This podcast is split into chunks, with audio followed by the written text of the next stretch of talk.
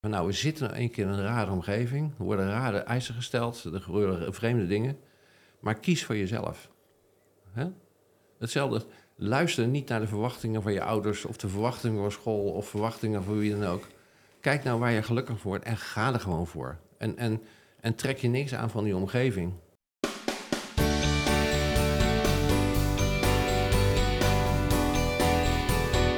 Leuk dat je weer kijkt of luistert bij deze nieuwe aflevering van de Podcast of Hoop. Vandaag gaan we in de studio professor Bob de Wit. We gaan het hebben over hoe we gelukkig kunnen zijn in de samenleving van de toekomst. Podcast of Hope, moving towards happiness. Nou, leuk dat je er bent. Ja. Ja, we gaan een gesprek over geluk. Is dat een onderwerp wat je veel bezighoudt in het dagelijks leven? Ja, dat is eigenlijk wel wat ik mijn hele leven mee bezig ben... om te achterhalen wat nou geluk nou eigenlijk is. Ehm, eh, en uh, dan moet je weten, ehm, heel lang heb ik niet zo goed geweten wat geluk was. Uh, en dat kwam omdat toen ik, ik begin me, kom me gelijk met de deur in huis te vallen. toen ik geboren werd, um, was een hele moeilijke bevalling. Mijn, mijn moeder was bijna dood. ik kwam er helemaal rood uit en mijn neus zat een beetje aan deze kant en zo. dus het was echt allemaal op het nippertje. dus ik, uiteindelijk was ik geboren en ik kwam in een gezin terecht uh, waarvan ik later zei van, nou, ik weet niet waar ik terecht ben gekomen... maar het lijkt wel of een dronken ooievaar me het verkeerde nest heeft gegooid. Zo, uh, zo voelde het een beetje. Uh, mijn ouders, die, nou, ik ben Rotterdammer, dus die kwamen uit de oorlog, hebben de oorlog meegemaakt. En die waren al heel blij. Mijn vader was ambtenaar, die had een inkomen, kon zijn eigen huis wonen... een Volkswagen Kever kopen, op vakantie gaan naar Luxemburg... En die wou alleen al het feit dat ze geen oorlog hadden en dat ze geen tekorten hadden en zo, dat maakte hen al gelukkig. Maar dat, dat voelde ik wel. Dat vond ik wel fijn voor hun, maar het was niet het soort geluk wat ik voelde. omdat je zat in, in een omgeving, wat ik al zei. eigenlijk zat ik in, in een nest wat, waar, waar ik niet thuis hoorde. Uh, dus voor mij was het een beetje overleven. En ik wist niet zo goed wat, wat geluk was. En ik dacht van ja, uh, zij hebben alles, ze zijn gelukkig. Ik heb ook alles, maar ik ben niet gelukkig. Hè? Hoe zit dat dan eigenlijk? Hè? Waar komt dat nou eigenlijk door? Ja, je voelde dat je wat miste. Ja, ik voelde dat ik iets miste. Um, en toen ben ik mijn eigen weg gegaan. Uh, en uh, uiteindelijk ben ik gaan studeren en zo. en ja, dan heb je je eigen, eigen plek gevonden. En dan ga je lekker hebben met vrienden ga je uit eten. En, en, en leuke meisjes om me heen en zo. Dus ik had het voor mijn doen had ik het goed voor elkaar. En dat was ook een soort geluk, hè, nietwaar? Dus ik had gestudeerd en ik werkte op de universiteit en ik ging lekker uh, aan de Oude Haven in Rotterdam uh, uh, lekker wat eten en drinken en zo met vrienden en zo. Dat was ook een soort geluk. dat voelde wel meer als geluk, mijn eigen geluk, zeg maar, wat ik zelf opgebouwd had. en toen later dacht ik van nou, en toen merkte ik ook dat er nog een ander niveau van geluk is, een andere dimensie. En je kunt wel met leuke meisjes uitgaan. maar toen kwam ik mijn vrouw tegen in het bolwerk, dus in het Witte Huis aan de overkant van waar ik woonde. Uh, en dat is dan plotseling, is dat toch weer een ander soort geluk. Het is niet zomaar een meisje en dan ga je leuk uit en een beetje hè, een gezellige avond samen of zo. En dat is natuurlijk ook wel gelukkig. Maar als je dan uh, terechtkomt bij iemand waar je denkt van wauw, weet je wel, je, je, je hebt iets samen. Hè, dus, dan, dan voelt het weer een andere dimensie, als het ware, een heel ander niveau. Ja, hoe zou je dat omschrijven? Is dat dieper? Is dat ja, dat is, misschien? Ja, dat is echt op een, op een hoger niveau van bewustzijn, zou ik bijna zeggen. Het, is, het zit, zit er niet in uh, je hebt, uh, zoals in het begin, hè, uh, zo van, we hebben geen problemen meer. Hè, dat is al gelukkig. Daarna zit je in een goede wereld en dan heb je, het goed. Hè, te eten, te drinken en gezelligheid. Maar er is ook nog een hoger niveau, wat veel meer richting ja, een hogere dimensie gaat of zo van, van mens zijn. en dat, dat voelde ik ook toen ik mijn vrouw tegenkwam. Hè, dat je op een ander niveau van bewustzijn terechtkomt. Wat toch een ander, dan ga je dezelfde dingen doen, maar ik, het voelt er weer anders. En dat heb ik later ook wel. Op een gegeven moment begon ik wel ja, erachter te komen wie ik ben, hè, waar ik gelukkig van word. Uh, en waar ik heel veel gelukkig word, is uh, schrijven. Dus ik, ik, schrijf heel graag. Uh, veel wetenschappelijke dingen, maar later ook Society 4.0 en Democratie 4.0. Um, en dat doe, ik dan, dat doe ik dan liever op Bonaire, daar ga ik zo meteen iets over vertellen. Maar dan voel ik gewoon, dan zit ik in een omgeving wat helemaal fijn is. Hè, dan voel ik me heel gelukkig. Maar als ik ga schrijven, dan kom ik weer op een andere dimensie terecht. Nog dan, een andere Ja, ja dan kom, je, ja, dan kom je toch weer eigenlijk hetzelfde met die, met die verliefdheid met, met een vrouw, zeg maar. Dan kom je in een hele andere dimensie terecht. Dan ga je schrijven en dan voel je een soort trance terechtkomen. En dan komen er allerlei gedachten in me op en dan ga ik schrijven en dan komt het uit mijn pen. Nou ja, eh, Hè? Zo'n flow staat. Ik kom echt in een flow. eh, en dan de volgende dag lees ik terug wat ik geschreven heb. En ik kan me niet meer herinneren. Maar dus dan lees je iets voor, het lees je het voor het eerst. In, in- in feite lees ik het voor het eerst. Dus ik schrijf het als het ware in een soort van uh, trans-situatie, zeg maar. Eh, de onderwerpen die erin staan herken ik wel, want dat, hè, dat is geen nieuwe kennis die ik heb. Er komt geen nieuwe kennis aanwaaien. Niet dus in wat is deze gast nog gek? Wat schrijft hij allemaal op? Maar je schrijft het op en je komt echt in een hele andere, andere flow terecht. Eh, en, en dat is voor mij wel eh, op, een, op een hoger niveau van, eh, van, van geluk, zeg maar. Maar dat is geen staat van geluk waar je constant in kan zijn. Denk ik. Nee, dat, dat zijn echt van die, van die, van, echt van die momenten Ja. eh, waarin je terechtkomt als je helemaal jezelf kan zijn. Wat ik altijd zeg is van het hoogste wat je kan worden is jezelf. En dat is best een hele opgave. Hè? Want als je, hè, je wordt geboren en dan kom je in een gezin met allerlei verwachtingen. En naar school, dan moet je dingen doen en zo. En, en, en erachter te komen waar je, waar je nou echt van bent, hè? eh, dat is... eh, dat duurt, in mijn geval duurt het best wel lang. Eh, en op een gegeven moment kom je in een situatie waar ik helemaal mezelf ben. Het hoogste wat je kan worden ben jezelf, dan word je jezelf. Dan kom je ook in een situatie terecht waar je helemaal tot je recht komt en waar je helemaal gelukkig van wordt. En dan kom je op een ander niveau terecht. En dat heeft veel meer met ja, bewustzijn te maken, misschien wel een spiritualiteit te maken. Hè, je komt meer in het, in het goddelijke gedeelte van de, van de mensheid kom je dan terecht. Tenminste, zo voel ik dat. Interessant. Hè? Je, je omschrijft eigenlijk hè, op basis van je eigen ervaring vier lagen, als het ware. Dus de eerste laag is een soort van tevredenheid, dat je gewoon genoeg hebt om te overleven. Ja. Daarna komt dan dat je wat uitbundiger kan leven. Ja, dan is het niet meer een, een, een gebrek aan tekort, hè, of het Mhm. ontbreken van tekort, maar dan is er weer een, Overschot. eh, een, een- ja, in ieder geval voldoende hè, om, om tot jezelf te kunnen komen. Ja, dan komt er een soort van diepere laag met Ja. liefde. En uiteindelijk kom je dus in een soort van een connectie met een... Met, eh, bijna het goddelijke, zo soms. Ja, ja. Oké, er zijn dus vier lagen. Zou je kunnen zeggen dat bijvoorbeeld dat het stapsgewijs gaat? Bijvoorbeeld, je hebt elke laag nodig om de volgende te kunnen bereiken, als je begrijpt wat ik bedoel. Nou, bij mij is het wel zo gegaan, ja. Eh, want ik moest eerst heel erg eh, afstand nemen van waar ik vandaan kwam. Mezelf ontdekken, mezelf ontwikkelen, mezelf eh, leren kennen. Om daar vervolgens tevreden te over kunnen zijn, hè, gelukkig mee te kunnen zijn. En dat is dan weer een voorwaarde om de volgende stap te gaan nemen. Dan sta je open voor, ja, voor liefde bijvoorbeeld. Hè. Dan kom je weer in de volgende laag terecht. En als je dan helemaal doorgaat, dan kom je inderdaad in een hogere niveau van, van gelukkigheid. En dan kom je dichter bij de God in jezelf, hè, zou ik maar even zeggen. Eh, dat is, zo is het wel bij mij gegaan, ja, dat klopt, ja. Waarom voelde je je eigenlijk niet thuis op de plek waar je dan eigenlijk vandaan kwam? Ja, waar je thuis zou Waar je, zijn. waar, je, waar, ja, waar je letterlijk thuis bent. Ja, ja nou, dat is een hele goede vraag. Want eh, kijk, mijn, mijn vader was een hele lieve eh, man. Eh, m- mijn moeder was een hele lieve vrouw. Eh, maar alle, allebei heel gemiddeld, zeg maar. Hè? Dus, dus echt heel lief gemiddeld. Eh, en ik was eh, een heel ander persoon. Ehm, en ik heb eigenlijk mijn hele jeugd, nou zolang ik kan herinneren, heb ik mezelf moeten ja, ontwikkelen, voor mezelf opkomen te staan, omdat ik gewoon wist dat ik niet thuis voel- voelde. Ik voelde me niet thuis daar. En dat is eigenlijk bij alles zo. Ik wilde voetballen. Eh, en mijn eh, vader wilde graag eh, dat ik ging korfballen. Nou, moest ik gaan korfballen. Ja, wat deed ik daar? Weet je dat wilde ik helemaal niet. Eh, ik was heel goed in muziek. Heel muzikaal, een absoluut gehoor. Eh, en dus hebben mijn ouders me op vioolles gezet. Nou, als ik echt niet moet doen, is het wel viool. Ik kan alles, ik kan zingen, ik kan basgitaar spelen, bij wijze van spreken. Ik kan het niet hoor, maar... maar dus altijd een misfit met hele aardige ouders. Die allerlei verwachtingen van- me hebben, maar een totaal andere persoon zijn. Eh, en dat voelt heel ongemakkelijk, zeg ja, maar. ja, als het wringen met kleine dingetjes was het eigenlijk. Ja. Ja. maar ook wel grote dingen hoor. Want bijvoorbeeld, ik kon goed leren op school. Eh, en eh, toen kreeg ik een advies van HAVO, VWO. Nou, dat kwam bij mijn ouders terecht. Zeggen van, nou, HAVO is wel heel moeilijk hoor.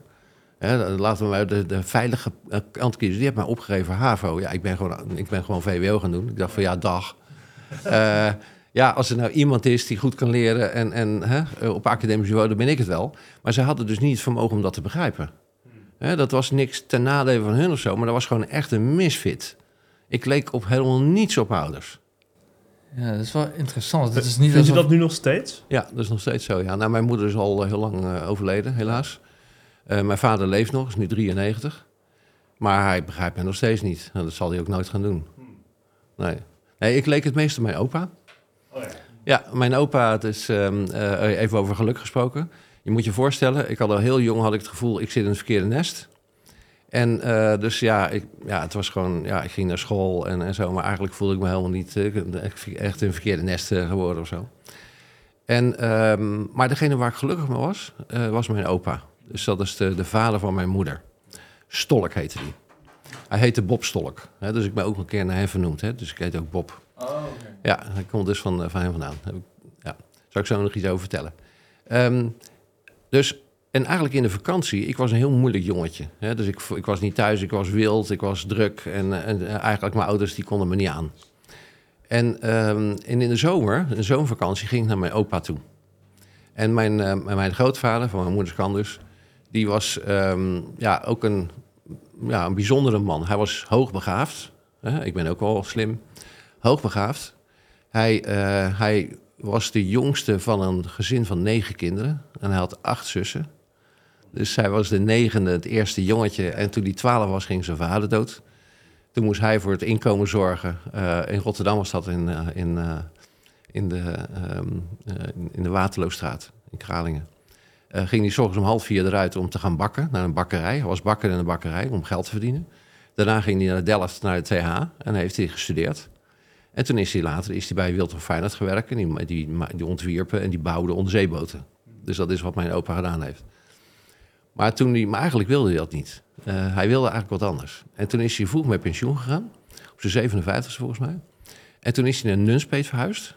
ehm, bij Zwolle in de buurt. En is hij kunstschilder geworden. Eigenlijk was, hij, eigenlijk was hij kunstschilder. Hij was eigenlijk een kunstenaar, maar hij, kon ook heel, hij, kon heel, hij was heel slim. Dus was hij ook ingenieur.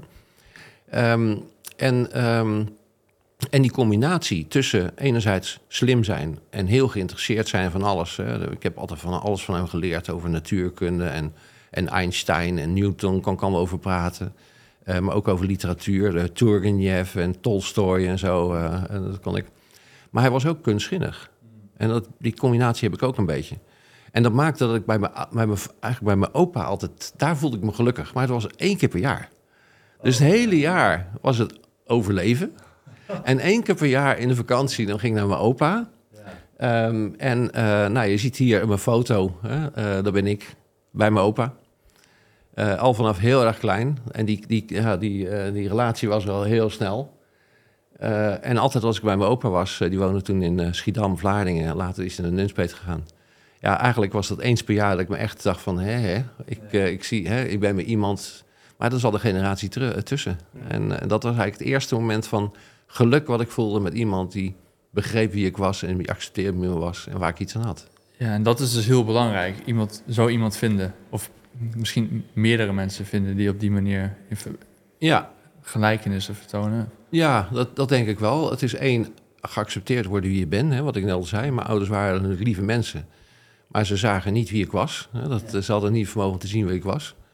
Eh, dus één is het geaccepteerd worden en gewaardeerd worden. En anderzijds, ja, wat natuurlijk leuker was met mijn opa... ik kon het over van alles hebben eh, wat ik interessant vond. Hè. Turgenev, ja, dat vond ik interessant. Eh, Newton, Einstein vond ik interessant. Dat, dat heeft dus iets met mij te maken. Hè. Ik vind het belangrijk om iemand te hebben waar ik met dit soort dingen over kan praten. Want bij mijn ouders thuis, er was een, een tante, tante Gree heette ze. Echt een schat van een mens. Hè. Die was er altijd eigenlijk. Maar ja, die zat de hele dag op de bank en die had het de hele dag over niks. Nou, dan zit je met iemand die hartstikke lief is.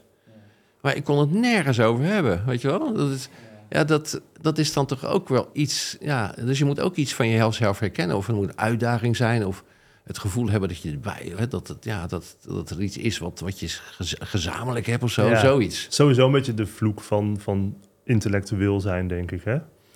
Ja, misschien ook wel, ja. Ja. Ja, ja misschien ook wel. Ja, een beetje het zwarte eentje zijn dan. Ja. Ja. Maar je, je, je schetst nu ehm, persoonlijke anekdotes over geluk. Maar als je dan geluk zou moeten samenvatten in een definitie die voor iedereen geldt, zou dat, zou dat lukken? Nou ja, eh, als ik het even algemeniseer wat mijn eigen persoonlijke ervaring is, eh, dan is geluk eh, een, een, eh, een situatie waarin je boven jezelf uitstijgt. Waarin je een diepe dimensie van jezelf tegenkomt, eh, als het ware. Hè, dan neem je afstand van het lichamelijke, van, eh, van de noodzakelijke voorzieningen die je hebt. Hè. Eh, dat zijn allemaal voorwaarden, zeg maar, voordat je... Maar het hoogste wat je kan worden is jezelf. En ik denk dat geluk is dat je, dat je jezelf gevonden hebt, dat je jezelf accepteert. En dat je daarmee nieuwe dimensies kan bereiken. waardoor je, nou ja, ik noem het even het goddelijke, om eventjes hè, om het makkelijk te maken. Maar je komt op een andere, eh, hogere, spirituele, goddelijke dimensie terecht, zeg maar. En dan gaat het meer op geest- en zielsniveau, waar je gelukkiger bent, dan op lichamelijk niveau. Snap je? Ik word wel gelukkig van een mooie auto, maar dat is niet op dat niveau. Nee, precies. Dus wat oppervlakkiger geluk ja, eigenlijk. inderdaad. Ja. En is het een eigen ingeving of hang je een soort spirituele stroming aan? Nee, ik, eh, ik hang geen spirituele stroming aan. Ik, ook hier, ik vind alles interessant. Eh, ik, ik ben natuurlijk in alle delen van de wereld geweest. Dat scheelt natuurlijk ook. Hè? Dus je hebt eh, heel veel wijsheden gezien. Ik ben niet religieus opgegroeid. Hè? Dat, die achtergrond heb ik niet. Nou, ik, heel snel heb ik me verdiept in, in heel veel, ja, heel veel ehm, spirituele, filosofische, levensbeschouwelijke richtingen. Ik heb heel veel bestudeerd. Eh, en, ehm, en, en ja, en- ja, er zijn een aantal van die inzichten die me wel ehm, heel veel nieuw inzicht hebben, eh, nieuwe, zeg maar, nieuwe dimensies opgeleverd. En soms is dat ook wel toevallig. Ehm, even een hele korte eh, inleiding. Eh, jullie hebben met Maarten Oversier al gesproken hier. Ik was in het begin van 2020, eh, ja, ik, ik, ik sprak me uit en ik vertelde mensen wat er aan de hand was. Hè. Ik vertelde toen in het begin, bij het begin van die corona, eh, dit is geen eh, gezondheidscrisis, dit is een maatschappelijke crisis. Ik had al een aantal jaren voorspeld, dit gaat gebeuren. Eh, we gaan naar een andere samenleving toe. Dus ik was gelijk heel prominent aanwezig met mensen vertellen, dames en heren, er komen nog een crisis, paar crisissen aan. Het is heel anders dan wat je denkt. En dat heeft heel veel mensen, een aantal van mijn vrienden hebben toen gezegd van nou, die wilden niks meer met me te maken hebben. Die waren bang nog steeds. Maar ik, heel veel andere mensen kwamen naar me toe. En dat, is, dat zijn vriendschappen op een heel ander niveau zijn dat geworden. En een van was Maarten Oversier, die jullie hier gehad hebben. Die nam contact met me op. En heel- snel werden we, werden we vrienden. Nou, Maarten Oversier, je hebt het verhaal gehoord. Eh, hij was chef-kok bij het Bilderberg Hotel. Is mee gestopt. Toen is hij naar Canada gegaan. Heeft hij bij de Indianen gezeten. Die wijsheid van die Indianen heeft hij, heeft hij geleerd of zo. En, ehm, en ja, wat, je dan, wat, wat hij dan teruggeeft, hij een aantal jaren gezeten, wat hij, de, de wijsheid van die Indianen, hè, wat, wat nou belangrijk is, hè, eh, dat je het verschil maakt tussen lichaam en geest en, en ziel. eh, hè, en dat het meer om samenwerking gaat en, en dat je samen naar, naar andere nive- ni- dimensies terecht gaat komen. Ehm, dat herken ik wel. Ehm, eh, en zo zijn er ook, in het christendom zijn er ook allemaal van die, eh, eh, van die invloeden geweest die ik wel gelezen heeft. Eh, eh, en ja, dat gaat eigenlijk ook altijd van, ja, je moet zorgen dat je op een hoger niveau terechtkomt om de God in jezelf te leren. Dat is eigenlijk, hè, dus, dus niet een man op een wolk of zo, hè, met een grijze baard. Je moet niet eh, de God buiten jezelf zoeken, maar je God in jezelf zoeken. Dat is dan wat ik bedoel. En, en als, je, als je zeg maar dat die, die ziel, die geest in jezelf vindt, eh, jezelf accepteert en dan ruimte geeft, daar kom je op een heel diep niveau van, eh, van geluk kom je dan terecht. En dat, ja, dat zie je eigenlijk in alle levensbeschouwelijke... Over de hele wereld zie je, bij de, bij de Indianen, en, maar ook in het oude, in het oude Griekenland en, en in- ook in Azië. Je ziet iedere keer toch dezelfde thema's terugkomen. En dat is eigenlijk mijn basis. Ja, en, en Ja, dat is een hoe soort is... van universeel menselijke wat er dan onder Ja je, ligt. probeert, ja, je probeert uit al die verschillende wijsheden... probeer er iets uit te halen, overal van te leren... Ja. eh, om, dat, eh, om dat onderdeel van mezelf te laten, te laten worden. En het opvallende is dat juist als je in de uitwerking zie je dat, eh, dat die gedachten anders zijn. Dus de Indianen, hoe, hoe ze dat deden, hè, een hele andere gemeenschap dan bijvoorbeeld in Europa. Eh, en ook weer anders dan in Azië. Maar heel, als je steeds meer teruggaat naar de essentie, de essentie, de essentie, dan komt het eigenlijk bij hetzelfde, op hetzelfde neer. Het is meer de vertaling die mensen van maken en, en de interpretatie en de machtsstructuren die- en, en de geldstructuren. Dat maakt dat er grote verschillen zijn. Ja, het is dezelfde essentie, maar dan aangekleed met andere culturele invloeden eigenlijk. Ja, ja. nou ja, bijvoorbeeld, eh, je had in het, eh, het christendom is natuurlijk eh, begonnen, eh, nou ja, dat weet je wel, een paar duizend jaar geleden. En er zijn allerlei eh, pa- papyrusdocumenten gewoon eh, ge- gekomen en zo. ehm. en, en in die documenten stond ook van de essentie van, hè, van, van, van het goddelijke eh, zit in jezelf. En die moet je in, in binnenzoeken. Ja, je hebt het over de Nagamadi. eh, Inderdaad, ja, ja, inderdaad. Oh, ja. Heel goed. Ja, dus met die kruiken zijn ze, hè, dat, waren, dat waren monniken, eh, en die, die zaten daar eh, en die werden aangevallen. eh, en die hebben al die wijsheden in die kruiken gestopt inderdaad. En, en, Verbrand. Nee, niet verbrand. Die hebben ze, eh, die hebben ze, ehm, eh, die hebben ze eh, hoe heet dat, in de grond eh, hebben ze dat opgeslagen. Nee, dus jij bedoelt, zijn, we, we hebben de vertaler van die geschriften hebben we in een podcast gehad. Oh, kijk, nou, maar nou, die vertelde het verhaal dat de, de boer Oh, die ze ja, had gevonden, Ja, eh, die ze weer had gevonden, die wist natuurlijk niet wat het was. ja nee, En die dat- had ze inderdaad. Die heeft, ze ja. heeft de- heel veel van die, Ja. is meer Ja, dan de helft gebruikt als brand. Ja, eh, inderdaad. ja, inderdaad. Hij wist niet wat hij eraan moest. Eh, er was in Alexandrië volgens mij dat ze gevonden zijn, die boer. Ja, Eh, en een aantal in die kruiken, die hebben ze stuk geslagen. Een aantal heeft hij inderdaad verbrand of voor Ja. warmte. En de andere hebben ze, zijn bewaard gebleven. Nou, en dat, was, dat zijn dus de allereerste geschriften geweest. Als je dat leest, dat is eigenlijk de zoektocht hè, voor, voor, voor, voor, voor wijsheid, spiritualiteit. Ja. Ja. Dat zie je eigenlijk in die stukken ook terug. En dat gaat ook naar die God, dat was de God in jezelf. Mhm. Ja. Dat, dat is wat erin stond. Eh, en de katholieke kerk heeft er een heel eh, ding van gemaakt. Hè? Want die God is daar en die moeten we aanbidden en zo. En de paus, hè, dus de relatie naar God en zo. Die heeft er een top-down structuur van gemaakt. Hè? Om, om mensen zeg maar, eh, te vangen in hun, in hun macht of zo. Maar dat is niet de essentie geweest van die documenten. Nee, want als, als je de God in jezelf kan vinden, dan zou je zo'n instantie niet meer nodig hebben. Nee, en dat is nou precies wat een aantal organisaties niet willen. Wat je natuurlijk geziet in de geschiedenis van de mensheid... is altijd dat er een aantal mensen, omdat ze veel meer geld en meer macht hebben... meer technologie hebben... eh, willen ze de grote baas worden en controle krijgen over mensen. Nou, dat doe je met angst en zo. eh. nou, en vroeger was angst die god. Joh, je moet wel doen wat hij zegt, want anders, anders dan, hè? Nou ja, dat is nu corona, dat is nu klimaat en zo, weet je wel. Dus dan verzinnen ze als het ware eh, iets eh, om mensen bang te maken en onderdanig te maken. Maar dat geluk waar je het over hebben, dat is precies het tegenovergestelde. Geluk zit niet extern, geluk zit in jezelf. Het is die God die in jezelf zit. Dus je moet eigenlijk weerstand bieden tegen alles wat daar verwacht wordt en wat mensen van je verwachten. Eh, de onderdrukking die ze willen of de macht die ze willen over hebben, daar moet je van losmaken. Autonoom worden, vrijheid zoeken, jezelf accepteren. Het hoogste wat je wordt, jezelf. En dan kom je bij de essentie van jezelf terecht. En dat is volgens mij de deur naar echt geluk. Maar, maar hoe is jou dat dan gelukt? Klinkt misschien, het klinkt denk ik makkelijker dan het is. Zo van, oh, de God in jezelf vinden. Ik denk dat het nog best wel een opgave is Het om is te doen. ontzettend moeilijk. eh, Is het, heel maar is het je wel, is het je gelukt? Dat is een andere om te, om te bepalen. Maar wat ik wel vind, is dat ehm, het is wel een hele, heel proces geweest. Wat bij mij wel werkte, ik heb al verteld over mijn jongste jeugd. Hè?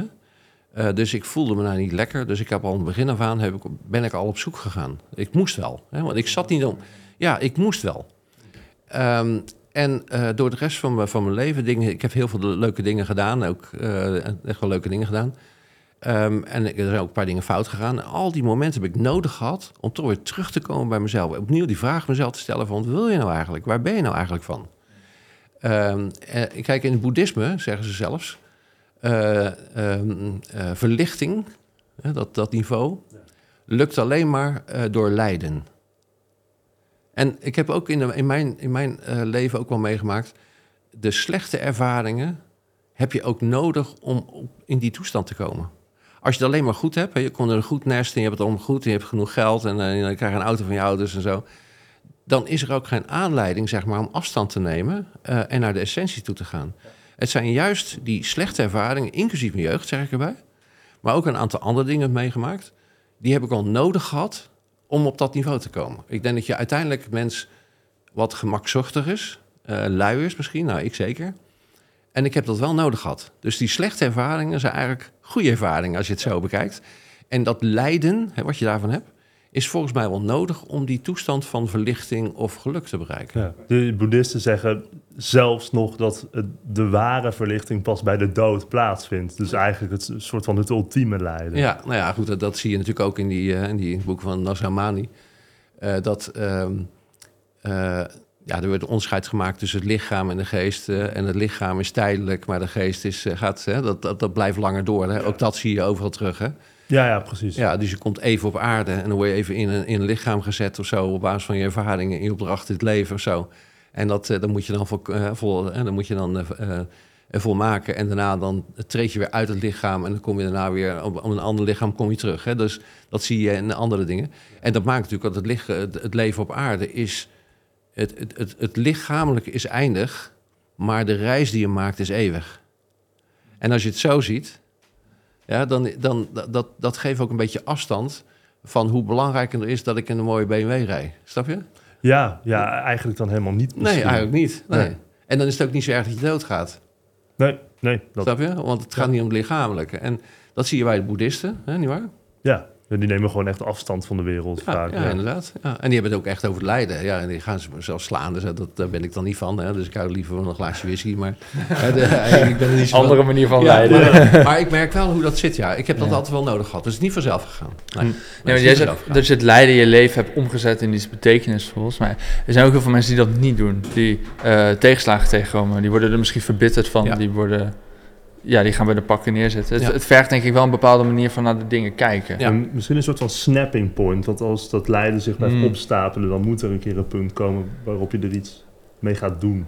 Ja, ja interessant. Ja, was, ging dat Ja. zo bij jou zoals Nick omschrijft? Of eh, denk je dat je altijd al een, een bepaalde dispositie hebt gehad om, om, om met dat lijden om te kunnen gaan? Nou, mijn, mijn uitleg daarvan is dat... En daarom had ik het ook over mijn geboorte.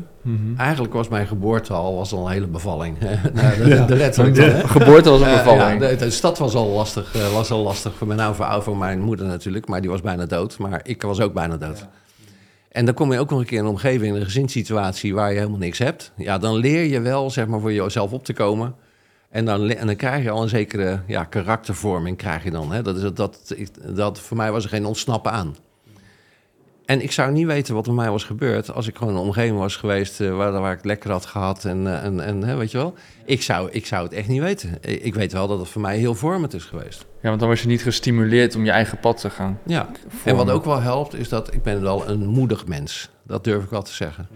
En dus ik ben nooit uitdagingen uit de weg gegaan. Eh, wat mensen van me vinden, het zal wel, weet je wel. Dat heb ik eigenlijk altijd wel gehad. En je hebt natuurlijk heel veel mensen die heel extern gericht zijn. Hè? Wat vinden mensen van mij? Hè? Mm. Als ik het maar goed doe. Of eh, die, die proberen heel erg te pleasen en zo.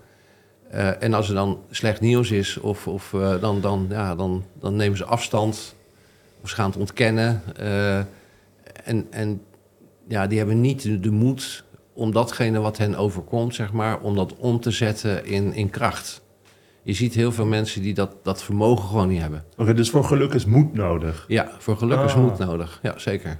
Ja, Dus op een bepaalde manier Ja. is het dan ook aangeboren? Als er gewoon mensen zijn die gewoon Nou ja, niet in hun hebben. Nou ja, ik probeer net te, te zeggen dat ik dat niet weet, omdat ik zelf natuurlijk moeilijk ben geboren en Ja, een moeilijke jeugd ja. heb gehad. Dus ik, ik, ik ben van mezelf moedig. Ik durf, dat durf ik al te Ja. zeggen. En, en in combinatie met die omstandigheid heeft het mij op deze manier gevormd. Dus eh, dat kan ik alleen van mezelf zeggen. Ehm, maar je hebt inderdaad moed nodig om jezelf te leren kennen. Je hebt moed nodig om eh, jezelf ehm, te laten zien. Om de keuzes te maken waar je zelf gelukkig van wordt. Hè, wat Mhm. echt voor je goed is. Je moet moedig zijn om de verwachtingen van mensen af te slaan. eh, om dat toch voor jezelf te kiezen. Daar is heel veel moed voor nodig. Die heb ik. Dat weet ik van mezelf. Dat heb ik al een paar keer meegemaakt. Ik zie ook dat heel veel mensen dat niet hebben. En die worstelen ook mee. Hè? Van, ik zou eigenlijk dit, maar ja, weet je wel dat. Hè? Ja. Maar ja, als ik dat doe hè, en ik word geen arts, dan wordt mijn vader boos. Hè? Eh, Of eh, weet je wel, Ja. altijd verwachtingen van, van mensen om, om ze heen of in de, in, in de maatschappij. Ja, en die- ja, ik denk dat misschien is wel een combinatie van toch wel iets van aangeboren, maar ook wel de context hebben om dat te ontwikkelen of zo. Zoiets zal het kunnen zijn. Ja, ja want wij, wij zijn natuurlijk ook benieuwd naar hoe we kunnen zorgen dat... Ja, misschien klinkt het een beetje idealistisch, maar dat iedereen gelukkig wordt. Dus Ja. ik ben wel benieuwd hoe jij daarnaar kijkt. Hoe kunnen we zorgen dat we eigenlijk... Ja. Bijvoorbeeld, laten we Nederland nemen, een gelukkig Nederland kunnen krijgen. Ja, nou, ik, ik, en zeker jullie generatie, als ik als oude lul eh, dat mag zeggen tegen jullie. Ja hoor. Ehm, ik denk, eh, ik vind dat wel een goede vraag. Want wat je al ziet is dat we zitten in een leven in een hele rare omgeving. Hè? Een hele, hele rare maatschappij waar rare dingen gebeuren. Mhm. En, ehm, en je merkt ook dat eh, jonge mensen daar toch wel de, ja, de moed op geven. Hè? De depressieve mensen. Hè? De, en ehm, ik denk dat het wel heel belangrijk is voor mensen om te zeggen... van, nou, we zitten nou een keer in een rare omgeving. Er worden rare eisen gesteld. Er gebeuren vreemde dingen. Maar kies voor jezelf. Hè? Hetzelfde, luister niet naar de verwachtingen van je ouders... of de verwachtingen van school of verwachtingen van wie dan ook.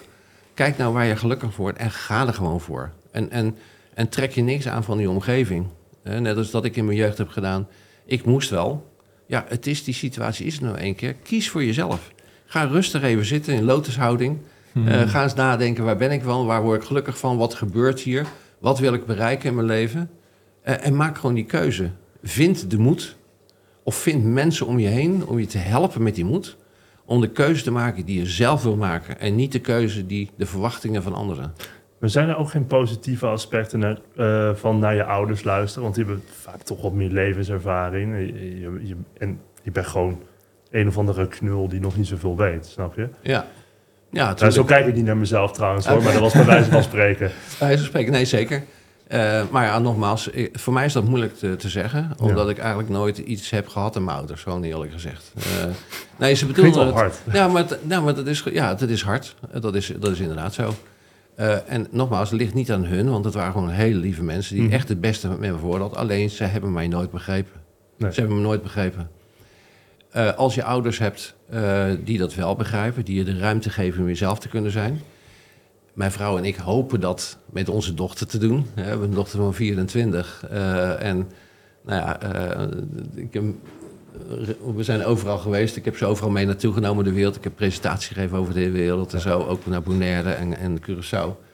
Eh, en ik heb een prachtige vrouw ehm, en een hele mooie dochter. En wat wij hopen, mijn vrouw en ik, is dat wij onze dochter ja, op deze manier opvoeden. Haar zichzelf Ja. te laten zijn, een warm nest. Ja. Maar toch zelf te laten uitvinden hoe het leven in elkaar zit, wie zij is, waar ze gelukkig van is. Eh, en haar zelf te laten, te laten ontdekken. Wij hopen dat. Ja, ja, dat zou ook mooi zijn, denk ik. Dat zou Gewoon mooi zijn. soort- Ja, Ja. ja. Toch de wijsheid van de ouders meekrijgen, maar daar wel vrijheid bij hebben. Ja. Dat voor combinatie. Ja. Ja, ja. maar voor geluk is er bij jou dus, ehm, volgens jou, een individuele bewustzijnsverandering nodig. Mm. Je kan niet de omstandigheden van iemand aanpassen. Iemand moet zelf de beslissing nemen om gelukkig te worden. Ja. ja, dat is wat ik denk. Je, je moet die keuze zelf maken. Je moet die keuze voor jezelf maken. En je hebt de moed nodig om die keuze te durven maken. Dat is altijd zo. Oké. Ja, want ik hint ook een beetje op, op, op, op je boeken. Ja. Want je- ehm, Society 4.0. Ik vraag me dan ook af, ehm, is er in de Society 4.0 ruimte om gelukkig te worden? Eh, ja, nou ja, het, het idee is, eh, kijk, eh, inderdaad, hè, als achtergrond. ik had in, eh, al vanaf 2015 gaf ik in de hele wereld presentaties. Hè. Ik ben stratege, een visionair, zoals ze dat noemen, een academisch visionair. Dus ik zag op een, door een aantal ontwikkelingen, er gaat echt een maatschappelijke revolutie aankomen. Hè, we gaan naar een nieuwe samenleving toe. Wat allemaal gebeurt op dit moment, heeft niks met een virus te maken of zo. Het is geen gezondheidscrisis, het is een maatschappelijke revolutie. Dat is een autonome ontwikkeling. We zijn uit het industriële tijdperk. En voor de vierde keer gaan we naar een andere samenleving toe. Hm. Eh, en daarmee heet Society 4.0. Heel lang in een feodaal tijdperk geleefd. Een top-down samenleving. Toen hebben we een handelsrepubliek gehad. Dat is een hele andere samenleving. Veel meer een bottom-up samenleving. Toen hebben we de industriële revolutie gehad. Toen kwamen we in het industriële tijdperk. Dat is eh 3.0. En we zijn nu onderweg naar een ander tijdperk. Omdat industriële productie niet meer het belangrijkste is. Het gaat over big tech, big finance, big food en big pharma. Mhm. Ehm, en, eh, en eigenlijk dit, dit, dit zeggen, dus wat er nu gebeurt, is een autonome ontwikkeling. Dat heeft te maken met, eh, met die technologie, met een aantal andere dingen. Eh, daar kan niemand wat aan doen. Het is een autonome ontwikkeling. Ziet dat nou, zo'n overgang, een transitie naar een andere samenleving, is altijd onrustig geweest. Is jarenlang onrustig. Het duurt heel lang voordat je afscheid kan nemen van het oude. En het duurt echt een tijdje voordat je weet wat je wel wil. Ja, want Ja. het is ook niet dat het volk in één keer van mindset verandert, maar waarschijnlijk individueel. Nou ja, dus je het- krijgt wat, je misschien wat conservatiever, wat progressiever en dan... Ja, inderdaad. Je hebt altijd aan het begin een aantal mensen die het snel zien en het Ja. op willen pakken. Je hebt een grote groep die zien het niet, of die hebben de moed niet om het onder ogen te zien. En je hebt altijd een aantal mensen die willen sowieso niet veranderen. Dus een hele onrustige tijd, zeg maar. Eh, ik zit aan de voorkant. Hè. Ik zag al heel snel wat er gebeurde. En wat ik al zie, is dat steeds meer mensen ook wel snappen dat dit echt wel een hele fundamentele transitie is naar een andere samenleving. En alleen al de boodschap, dames en heren, dit is een transitie, dus altijd onrustig, ligt niet aan jou. Het heeft met deze autonome ontwikkeling te maken. Je hoeft echt niet de, huidige politie de schuld te geven, want die zitten ook daar maar, weet je, een oud systeem wat niet functioneert. Eh, dat geeft wel heel veel rust, zeg maar. Mensen, Mhm. aha, zo komt dat. Ja. En als je dan bovendien zegt van ja, maar we gaan naar een andere samenleving toe en die kan ook weer beter worden. Dus laten we met z'n allen nou gaan bouwen aan een nieuwe samenleving. Nou, toen we een coöperatie opgericht, eh, na het publiceren van mijn boek. ehm, eh, en we hebben nu een coöperatie Society 4.0 en nu zijn we aan het bouwen een nieuwe samenleving wat goed is voor mensen en met name ook goed is voor jonge mensen. En wat je dus merkt is dat steeds meer mensen komen naar ons toe En die zeggen, oké, je hebt gelijk. Het is inderdaad transitie, inderdaad. Het is, het is een klote wereld, dat is waar, eens.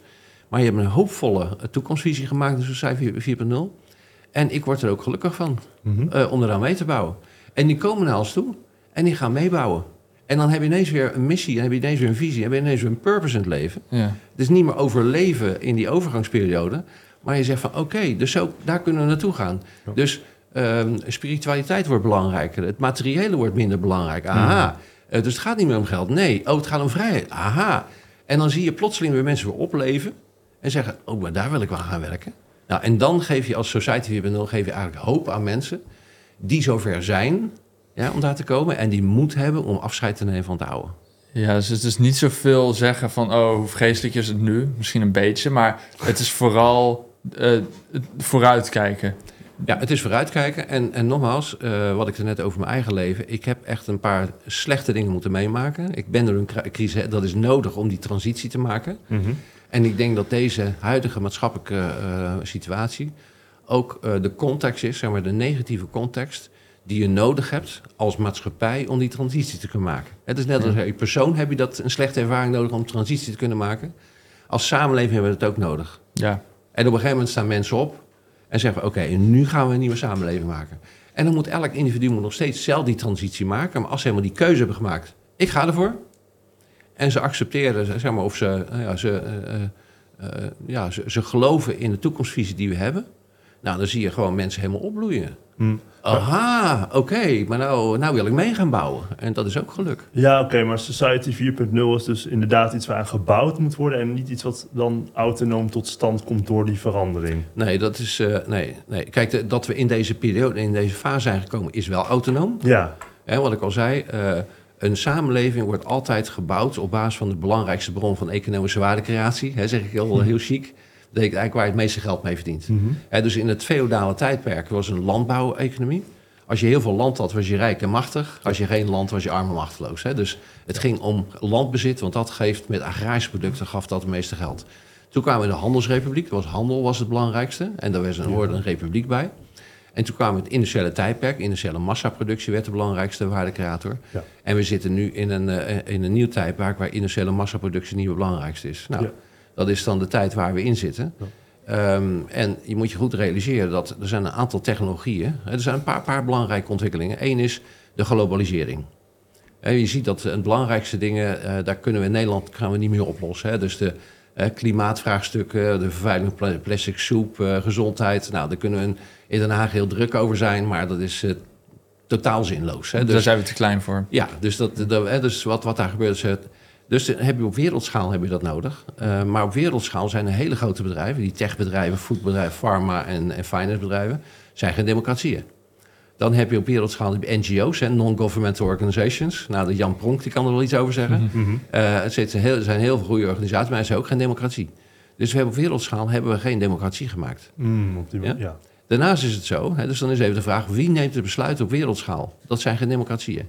En als veel geld, hè, die techbedrijven en zo... en veel macht bij elkaar komt... dan is het in de geschiedenis van de mensheid eigenlijk altijd fout gegaan. Hè? Dus eh, dat is één ding. Het tweede is, er zijn een aantal technologische ontwikkelingen... eh, die heel ehm, belangrijk gaan worden voor, ehm, eh, voor, ehm, eh, voor de mens. En dat is dat...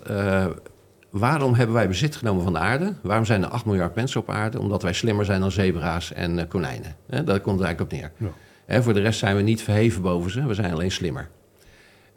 Wijzer zijn we sowieso niet. Hè? Wijzer dan natuur zijn wij niet. Maar we zijn nu bezig met kunstmatige intelligentie. Dat is de agenda 2030. In 2030 gaat kunstmatige intelligentie de mens voorbij. Dan zijn wij niet meer de me- meest intelligente op aarde. Dan heb je nog technologie als robots. Dan krijg je dus intelligente robots. En denk je dat dat kan, dat AI intelligent wordt Dat dan gaat de mens? gebeuren, 2030. Ja, dat is de agenda 2030. Hmm. Maar daar moet je maar eens even kijken, moet je eens even nazoeken. Agenda 2030 heeft te maken met de verwachting van de mensen in ons veld... dat vanaf 2030 gaat het de mens voorbij. Op intelligentieniveau dan, hè? Ja, ja. Ja. ja. Zullen ook mensen zich gaan upgraden. Want je kunt ook een combinatie maken tussen mens en technologie. En dan krijg je de cyborgs, zoals we dat noemen. Transhumanisme. Ja. Inderdaad, ja, klopt. Eh, dus dat gaat gebeuren.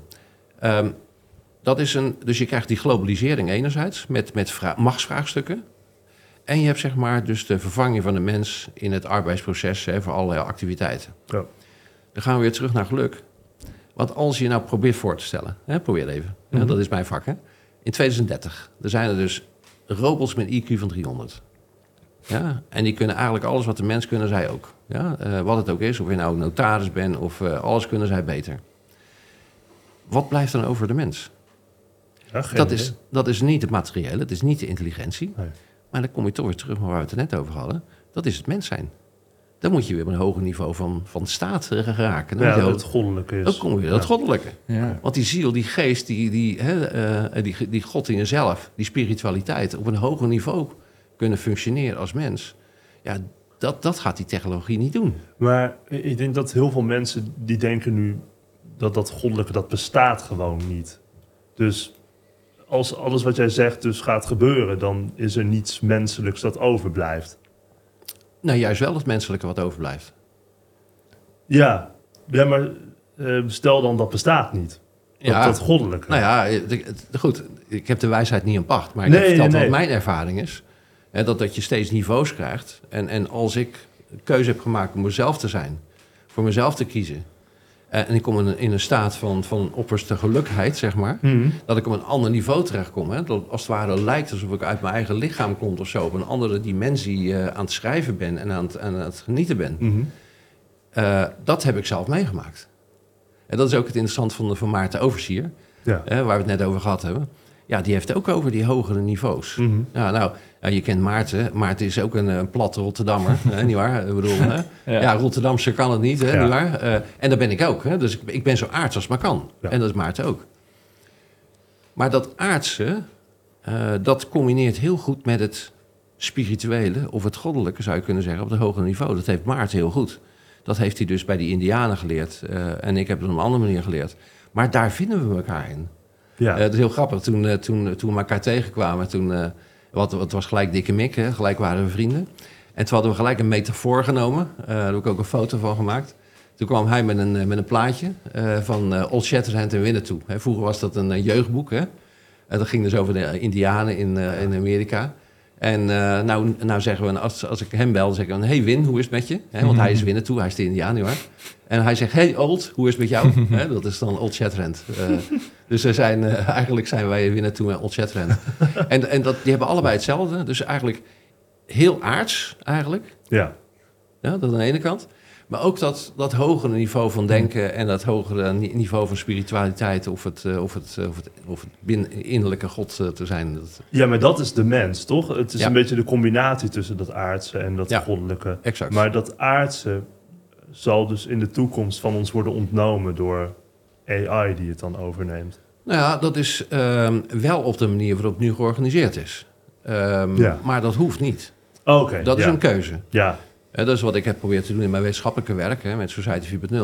Kijk, één trend is dat eigenlijk alle bevoegdheden en de macht en het geld gaat naar grote wereldspelers toe.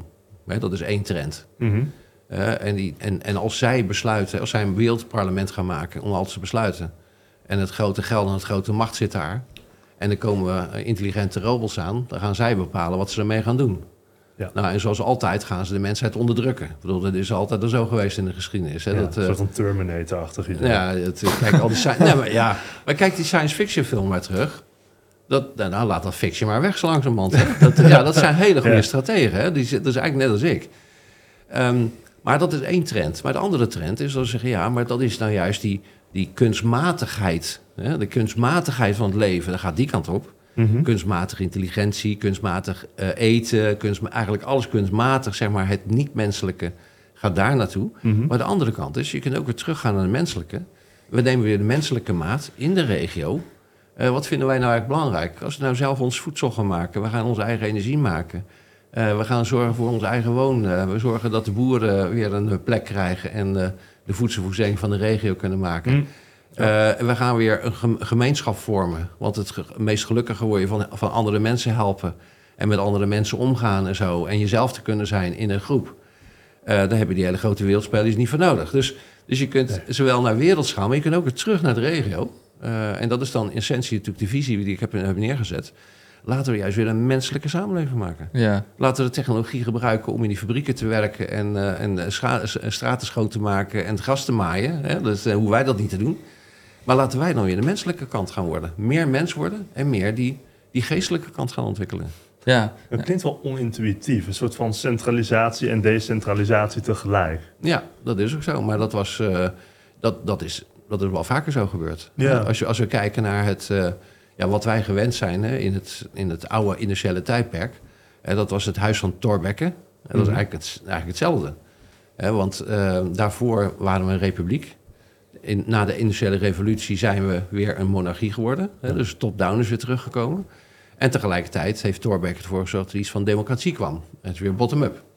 Dus eigenlijk eh, de samenleving die we kennen, hè, met de Eerste Kamer, Tweede Kamer, hè, eh, dat is eigenlijk een combinatie van dat centraal en decentraal. En dat is de ultieme vorm van samenleving, top-down en bottom-up tegelijk. Nee, dat zijn de twee krachten die altijd spelen. Ja, maar is het nodig om die twee in balans te hebben?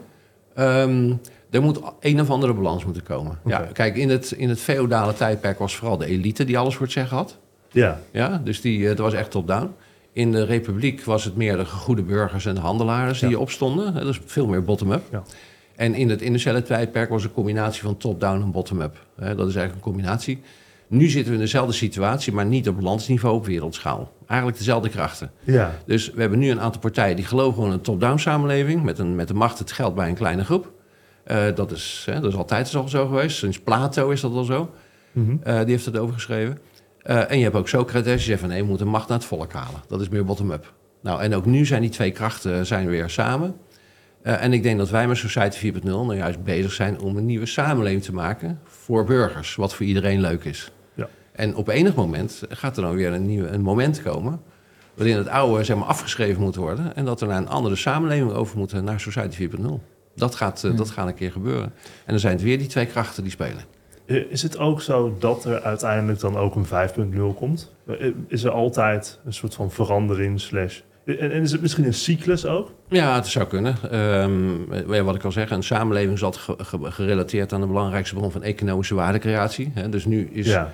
Eh, zo is het altijd gegaan. De, de rijkste die, die hebben voor het zeggen, even lullig gezegd. Ja, en wie de rijkste is, kan natuurlijk gewoon veranderen. Ja, inderdaad, die stopt er wel geld in. Eh, maar het zou inderdaad kunnen zijn dat we zijn nu over, in de overgang naar Society, eh, Society 3 4.0. Hè, dat is de, de- waar we nu in zitten.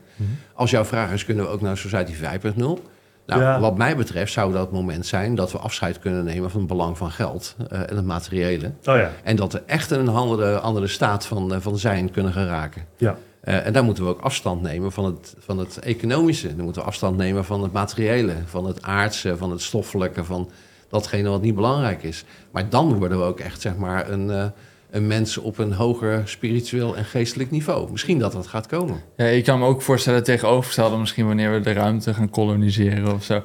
Ik, ik denk dat er heel veel Dan ga je mogelijkheden ook de zijn. hemel in. Exact. Ja, En- maar ja, maar het, ik, zou, het zou kunnen.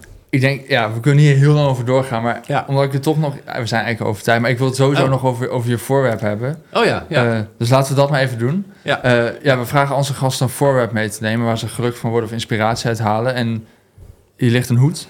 Ja. Kun je daar wat meer over vertellen? ja, zal ik hem ook opdoen? Nou, leuk. Nou, kijk, het is zo dat. ehm, eh, ik had al verteld in mijn jeugd, mijn, mijn grootvader, daar had ik het meeste mee. En die had een hoed op. Daar heb ik hier een foto van, van genomen toen ik klein was. Dat is mijn opa en je ziet dat hij een hoed op had. Dus ik ken mijn opa niet anders dan dat hij een hoed op had. En eh, later, eh, toen eh, kwam ik mijn vrouw tegen. Ehm, nou, dat had, dat ik al verteld. Hè. Dan kwam ik een ander niveau van geluk terecht en zo. En toen zijn we gaan trouwen. En toen hebben we gezegd van nou, ik heb haar ten huwelijk gevraagd om te gaan trouwen tien jaar nadat we elkaar ontmoet hadden. En toen heb ik gezegd van nou ja, ik wil graag ook in een omgeving zitten waar we helemaal, helemaal prettig zijn. Nou, ik ben een beetje een omgekeerde bounty. Hè, dus ik ben wit aan de buitenkant en tropisch aan de binnenkant, hè, eh, was ik achtergekomen. En toen zijn we op Barbados gaan trouwen. Nou, op Barbados ehm, eh, ben ik op het strand getrouwd. Mijn vrouw, dat, dat ging goed met, eh, ja, als je hier trouwt en wordt het goedgekeurd, kan je niet overal naartoe. Maar Barbados Mhm. kon het wel. Ja. En toen zijn we getrouwd eh, op het strand. ehm, met, eh, met een, eh, eh, nou je ziet hier, eh, nou, dat, dat was ik toen ik jong was. Eh, dat is mijn vrouw. Die ziet er nog hetzelfde uit, gelukkig. Ehm, en eh, een mooie zwarte eh, priester met een mooie witte jurk. eh, en twee getuigen, lokale, donkere mensen die daar in dat restaurant werkten waar we, waar we stonden. En ook daar in, het, ehm, eh, in Barbados had ik een, een hoed op. Die heb ik hier niet op de foto, die had ik niet op mijn trouwen gedaan. Maar... En later ben ik altijd wel vaker geweest. Dit is in, in Bonaire. Ehm, dit is mijn vrouw. Eh, omdat ik ben gaan schrijven op een plek waar ik helemaal gelukkig was. En dat is met name de Cariben, Mhm. eh, maar ook Bonaire. Eh, en je ziet hier dat ik een hoed op heb. En dat is voor mij het ultieme. Dan ben je met je geluk. Dan ga je naar je schrijfplek. Dan kom ik op een hoger niveau. Nou, dan kom ik op een hoger niveau van, van ik terecht. En dat is, dat is dan met mijn, mijn, mijn hoed. En dan voel ik me helemaal gelukkig. Dat hoort als het ware als voorwerp bij de, het begin van het geluk. Hè, vanaf dat ik heel jong was. eh, tot en met nu, zeg maar. En de reis die ik er naartoe gemaakt heb. Dat Ja, is mooi dat altijd je- op dat je- deze hoed geweest. Ja, mooi dat je zoveel waarde kan hechten aan een best wel eh, gebruikelijk voorwerp. Maar dat er zoveel betekenis aan zit voor jou. Ja. Ja, nou, Ja, ja. ja maar ik, ik denk ook dat het materiële doet me sowieso niet zoveel. Heel eerlijk gezegd. Nee, het het gaat in de om- betekenis, ja, de spirituele betekenis. Het gaat mij echt om de betekenis daarvan, inderdaad. Ja. En eh, op het moment dat je gevoeld hebt wat het betekent om mensen te zijn op een hoger niveau, zeg Mm. maar, hè, waar het materiële niet toe doet of zo, eh, dan, ehm, ja, dan is dat het, het voorwerp wat, eh, ja, wat voor mij zeer met symbool is voor de reis die ik gemaakt heb eh, naar het geluk die ik gevonden heb in mezelf. nou Mooi. mooi. Dan sluiten we hem daarmee af. Ja, Heel erg bedankt dat je langs bent gekomen. ja, dankjewel. Dankjewel voor de uitnodiging. Leuk dat je hebt gekeken of geluisterd naar deze aflevering van de Podcast of Hoop. We hopen dat je ervan hebt genoten of misschien zelfs geïnspireerd door bent geraakt. Iedere zondagochtend om 10 uur komt er een nieuwe aflevering online op Spotify, YouTube en al je andere favoriete podcastkanalen. Ook kun je ons vinden op www.podcastofhoop.nl. Tot ziens en veel geluk. De wereld waarin we leven biedt nog geen gelijke kansen. Voldoende eten en drinken. Een adequate opleiding. Goede gezondheidszorg. Vrede en geluk is niet voor iedereen weggelegd. Maar stap voor stap wordt het beter. En zijn we op weg naar een octopische samenleving waarin iedereen zijn of haar leven als goed kan beschouwen. Het is een lange reis, maar we zijn op weg. Podcast of Hope. Moving towards happiness.